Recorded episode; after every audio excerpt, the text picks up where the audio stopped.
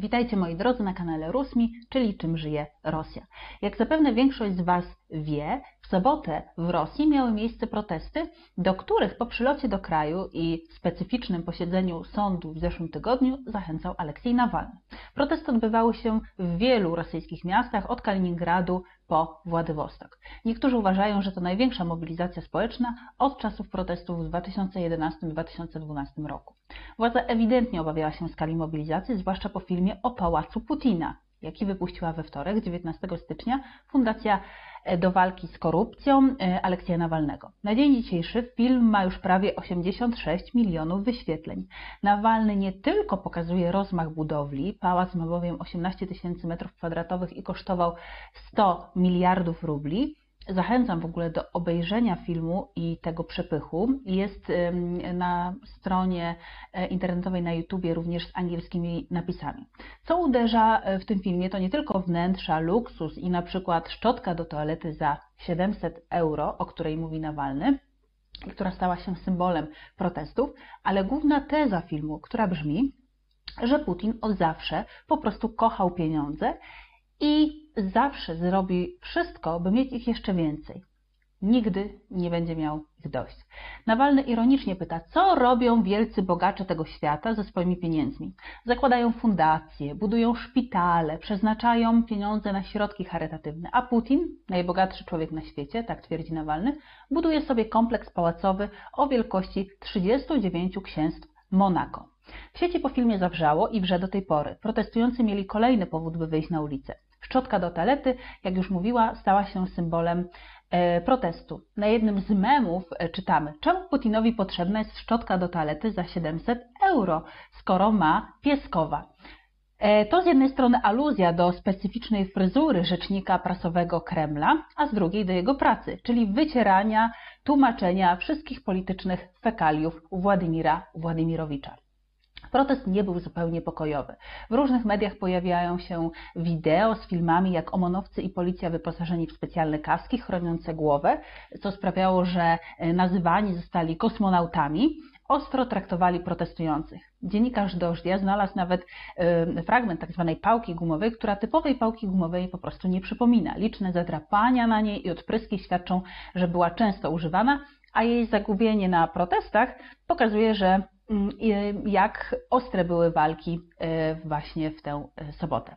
Symbolicznym e, takim przejawem brutalności stało się wydarzenie Petersburgu, gdy policjant kopnął 54-letnią Margaritę Judinę nogą w brzuch, po czym kobieta E, upadła e, na chodnik, uderzając się w tył głowy. Początkowo Ria Nowosti, zanim po sieci zaczął hulać filmik z tego wydarzenia, utrzymywała, że kobieta została uderzona gumową pałką. Widzimy jednak, jak było naprawdę. Ostatecznie nagrano filmik ze szpitala, w którym policjant przychodzi odwiedzić kobietę, przeprasza ją, mówiąc, że chwilę przed tym, jak ją uderzył, dostał gazem w oczy i był zdezorientowany i nie wiedział, co się dzieje. Również nie wszyscy protestujący byli nastawieni pokojowo. E, zniszczono samochód funkcjonariuszy siłowych, omonowcy byli e, obrzucani śnieżkami e, czy po prostu śniegiem, a jeden kask policjanta potraktowany został jak piłka do futbolu. W całej Rosji zatrzymano ponad 3000 osób specjalnie zatrzymywano dzieci. Członek komisji monitorującej respektowanie praw człowieka w warunkach aresztu i zatrzymania, Marina Litwinowicz, e, porozmawiała ze wszystkimi zatrzymanymi, którzy byli nieletni i e, wszyscy prawie powiedzieli jej, że nie brali udziału w, w akcji protestu. Ktoś po prostu szedł spotkać się z mamą pod miejscem pracy. E, część osób właśnie wyszła z metra i kierowała się w stronę McDonalda i celowo ich zatrzymano. Zdaniem Litwinowicz władza celowo chce sfingować, uszyć grubymi nićmi e, sprawę karną o e, nawoływaniu nieletnich do udziału w protestach. Główna pieśń propagandy będzie o tym, jak niemoralne jest wyprowadzanie dzieci e, pod gumowe pałki e, policji i OMON-u. E, mówiąc o propagandzie, przyjrzyjmy się, o czym mówił wczoraj w programie Wieści Niedzieli główny propagandista Kremla, albo jeden z głównych, Dmitrij Kisielow. No więc w niedzielnym wydaniu mówił zarówno o protestach, jak i o pałacu Putina Stwierdził, że takie akcje, jakie miały miejsce w sobotę, na zachodzie e, to protestujący byliby po prostu rozstrzelani. Szaleje pandemia, a berliński pacjent, czyli Nawalny, siedzi sobie w cieplutkim więzieniu, w komfortowych warunkach i nawołuje do wyjścia na ulicę. Prawie uwierzyłam, że Nawalny siedzi tam z własnej nieprzymuszonej woli. Kisielow uważa, że Niemcy odprawili Nawalnego do Rosji z informacyjną bombą o pałacu Putina. To tam przekazano mu tekst śledztwa po angielsku, a Nawalny niezdarnie go przetłumaczył. Dlaczego Kisielow tak uważa? Dlatego, że jego zdaniem Nawalny źle przetłumaczył niektóre słowa. W rosyjskich memach dużo miejsca e, poświęca się informacji o składzie błota czy komnacie dla griazji po rosyjsku, albo skład griazji, który po polsku można przetłumaczyć właśnie pokój z błotem, specjalne spa z błotem leczniczym, takie znalazłam tłumaczenia. Zdaniem Kisilowa w angielskiej wersji to, to, to słowo to było madrum, które na rosyjski tłumaczy się jako e, czyli korytarz. I to ewidentnie, ewidentne potwierdzenie, że Nawalny otrzymuje z Zachodu instrukcje i scenariusze e, dla swoich filmów. Sam e, Putin, zdaniem Kisielowa, nie potrzebuje luksusu, to nie jego styl, e, nie ma czasu na zabawę samochodzikami, e, na siedzenie w domowym kasynie czy palenie fajki wodnej, jak było to pokazane w filmie Nawalnego, że takie pokoje, pomieszczenia są w tym wielkim pałacu. Putin przecież w ogóle nie pali, mówi Kisielow. Dla niego odpoczynek to wyjście do tajgi w ubraniu leśniczego lub łowienie ryb w dziczy. Putin odbudował Rosję, pozwolił Rosjanom godnie żyć, Nawalny zaś może tylko doprowadzić do upadku i ubóstwa, takie jakie są na Ukrainie. To polityk na poziomie szczotki do toalety, mówi Kisielow. Wciąga dzieci do polityki, więc jest pe, e, politycznym pedofilem. Tak konkluduje Kisielow całą e, kwestię dotyczącą Nawalnego. Dmitrij Pieskow, rzecznik prasowy Kremla, także skomentował film o Pałacu Putina, nazywając, e, nazywając ten film kaczestwienną, kliukwą, co na polskie oznaczałoby jakościową żurawinę. Chodzi tu jednak o idiomatyczne wyrażenie jeszcze z XIX wieku, które w sposób ironiczny określa wszystkie nieprawdopodobne, wydumane, wysane z palca często przez obcokrajowców opinie na temat Rosji. Jest to określenie, którego używa się, by podkreślić, że jakaś opinia, informacja pochodzi od kogoś, który, od kogoś, kto zupełnie nie zna się na temacie. O proteście zaś Pieskow powiedział, że był mało liczny, że licznie to ludzie popierają Putina i wyszli zagłosować e, nad poprawkami do konstytucji latem 2020 roku. To, e, to możemy mówić o dużej e, liczebności, dużym poparciu. Sam Putin, używając parafrazy z książki z 1928 roku pod tytułem 12 krzeseł autorstwa radzieckich pisarzy, e, na spotkaniu ze studentami w poniedziałek 25 stycznia określił śledztwo o pałacu słowami nudno, dziewczynki. Nazwał film kompilacją i montażem. Co natomiast mówią niezależne media, co mówią dziennikarze tam zapraszani, co mówią politolodzy? E, no więc e, można powiedzieć, że dziennikarz Maksim Szewczenko, zapytany na kanale Dość o protesty i o działania władz, e, powiedział, że ze strony władzy wszystko, co mogło być źle zrobione, było źle zrobione i będzie dalej źle robione i widzimy to już teraz. Władza chce, chce ludzi zastraszyć, a to ona jest tak naprawdę najbardziej wystraszona. Apel Nawalnego był zdaniem Maksima Szewczenki swoistym wyzwalaczem do akcji ulicznych, ale to był w dużej mierze protest socjalny, a nie tylko polityczny. Film o pałacu był szokiem dla ludzi. Te luksusy, w których żyje władza, w porównaniu do poziomu życia osób, które żyją w nędzy. Kreml już nawet nie czuje się zobowiązany, jak na początku rządów Putina, wydawać przysłowiową kiełbasę. Wymaga lojalności, poparcia, bez jakiejkolwiek obietnicy lepszego życia dla obywateli. Sama zaś władza niczego sobie nie odmawia. Zdaniem dziennikarza ludzie oddają swoim zachowaniem to, co otrzymali. Szewczenko krytykuje też przewodniczącego prezydenckiej Rady do spraw rozwoju społeczeństwa obywatelskiego i praw człowieka, Waleriego Fadiejewa, który ocenił pracę funkcjonariuszy organów porządkowych na proteście jako satysfakcjonującą i który stwierdził, że zatrzymania odbywały się spokojnie. Zdaniem Szewczenki te symboliczne instytucje przy prezydencie są atrapą i już nigdy nie będą wiarygodne.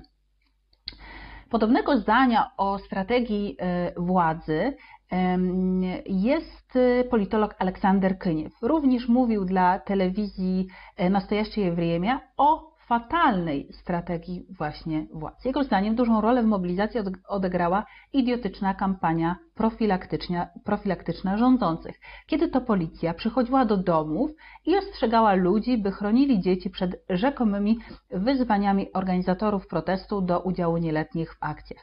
Dzięki tej propagandowej histerii ogromna liczba osób dowiedziała się po prostu o tych akcjach. Jestem przekonany, że ta akcja propagandowa znacznie zwiększyła jej masowy charakter, bo po prostu wywołała e, w ludziach odrazy. Człowiek siedzi cicho w domu, i odbiera ostrzeżenia. W żadnym wypadku nie wychodź, nie wychodź na ulicę i tak dalej. Może nie poszedłby, ale myśli, a mam was wszystkich gdzieś i wychodzi. Dlaczego ludzie wyszli na ulicę teraz tak licznie? O czym to świadczy? Zapytał redaktor Kniewa. Myślę, że to kombinacja, wielu czynników. Wybuch zawieszonego napięcia. Władza w ostatnim roku, praktycznie uniemożliwiając gromadzenie się ludzi, przestrzeni publicznej doprowadziła do nagromadzenia się agresji i frustracji. O co chodzi? W społeczeństwie istnieją różne mechanizmy, dzięki którym obywatele mogą pozbyć się negatywnych emocji. Zwykle sposobem na pozbycie się negatywnych emocji jest czas wolny. Nie bez powodu pojawiło się kiedyś hasło chleba i igrzysk.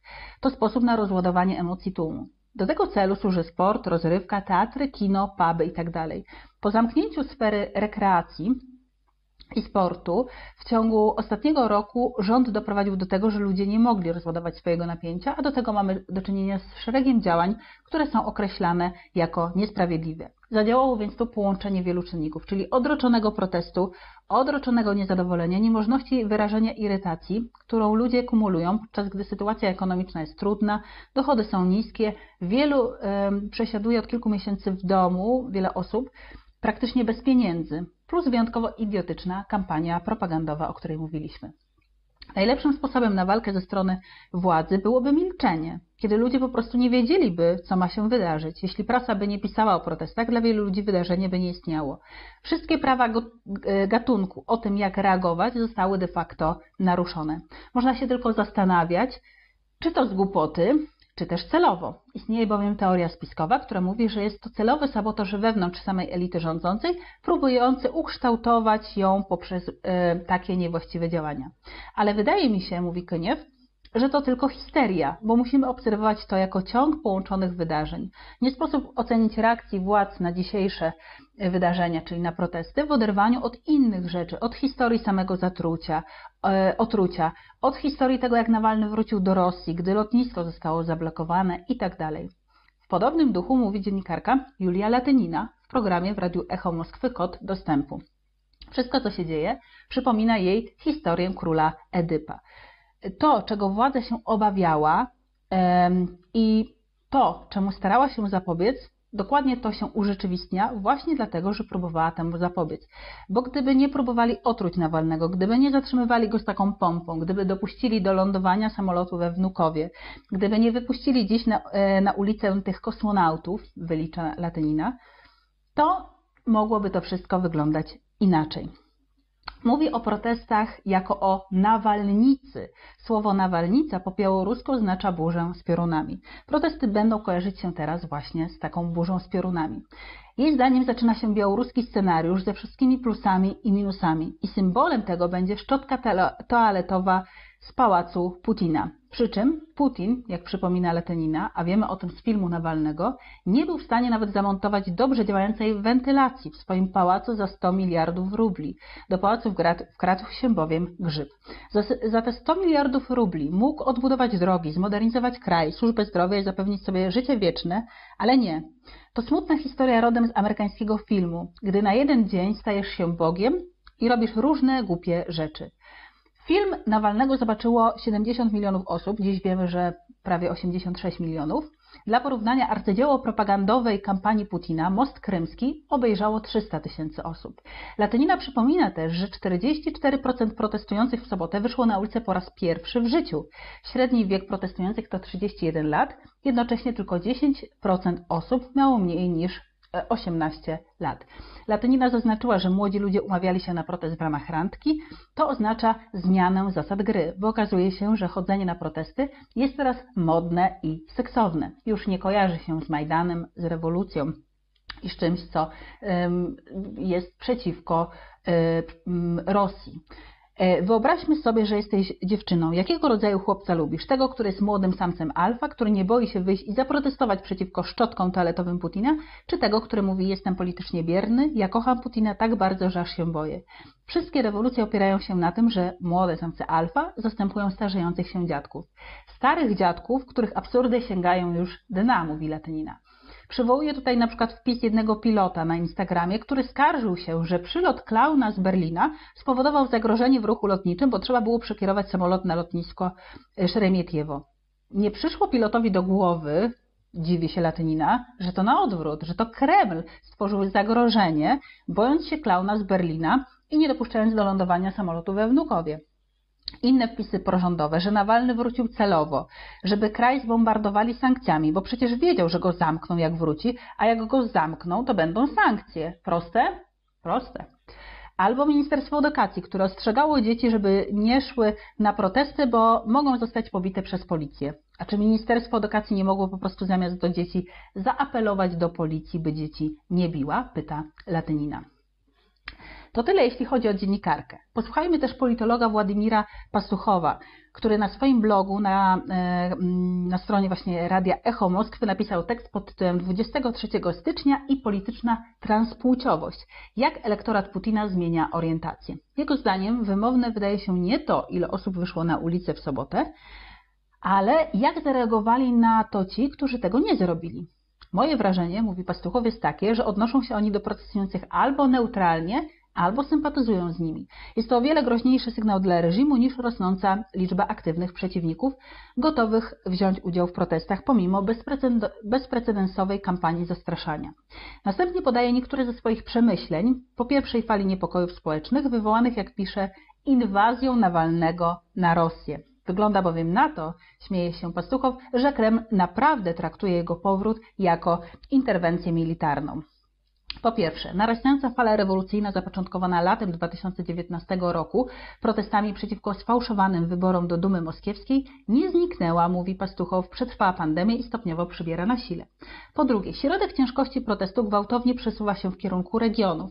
Protestu nie można już postrzegać jako kaprysu e, pogardliwych mieszkańców Moskwy. Wręcz przeciwnie, teraz będzie narastał na prowincji, a tam będzie coraz bardziej agresywny, wywołując ogólnonarodowy rezonans.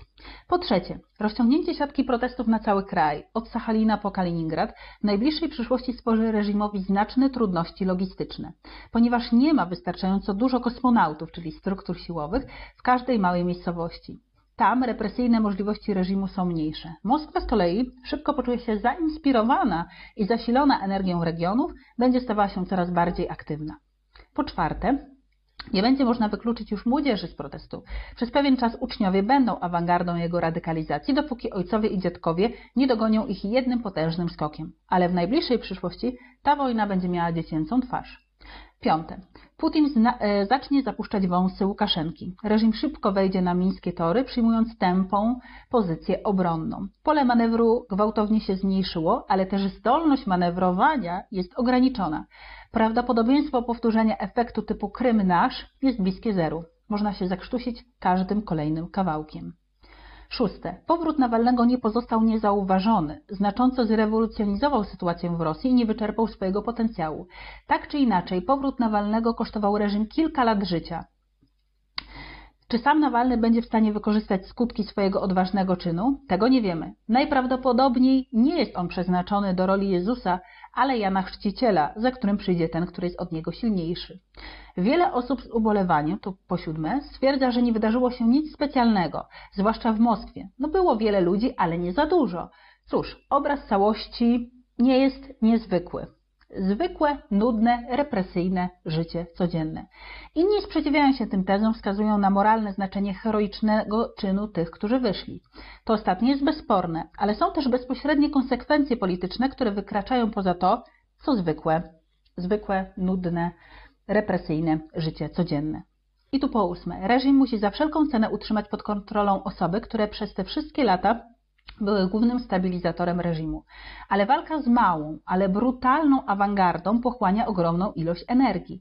W rezultacie tył jest odsłonięty. Dlatego nie należy lekceważyć małych akcji. Ich rolą nie jest bycie iskrą, z której zapali się płomień, ale zniszczenie i wykrwawienie wroga. To awangarda, która została wrzucona na przyczółek na prawym brzegu Dniepru, aby zapewnić powodzenie operacji w zupełnie innym kierunku. Po dziewiąte, Zmiana systemu prawdopodobnie będzie wy wyglądać na dwuchodówkę. To jest jak mat w szachach we wszystkich wariantach w drugim posunięciu. Najpierw będzie dość długi etap pozornie bezsensownych protestów, bez widocznego sukcesu, których niewidzialnym skutkiem będzie przeformatowanie elektoratu Putina w elektorat antyputinowski. A potem były elektorat Putina znajdzie szybko przywódcę i wszystko potoczy się dość szybko. W pewnym sensie ludziom na Kremlu można współczuć, mówi Pastuchow. Nawalny złamał szablon, a jedyną adekwatną odpowiedzią na to może być również przerwanie szablonu z drugiej strony, na którą to odpowiedź Kreml nie może sobie pozwolić. Dlatego sytuacja, która rozwinęła się po powrocie Nawalnego jest dla niego pułapką. To ogromna pułapka rozmiarem przypominająca wielkość pałacu Putina. Można w niej długo siedzieć, ale potem wyczyszczą cię szczotką do toalety. I kończąc na szczotce do toalety, która była symbolem e, sobotnich protestów e, w Rosji, kończę dzisiejszy odcinek. Zapraszam Państwa, Was do subskrybowania mojego kanału, do pisania komentarzy i do oglądania kolejnych odcinków. Dziękuję bardzo.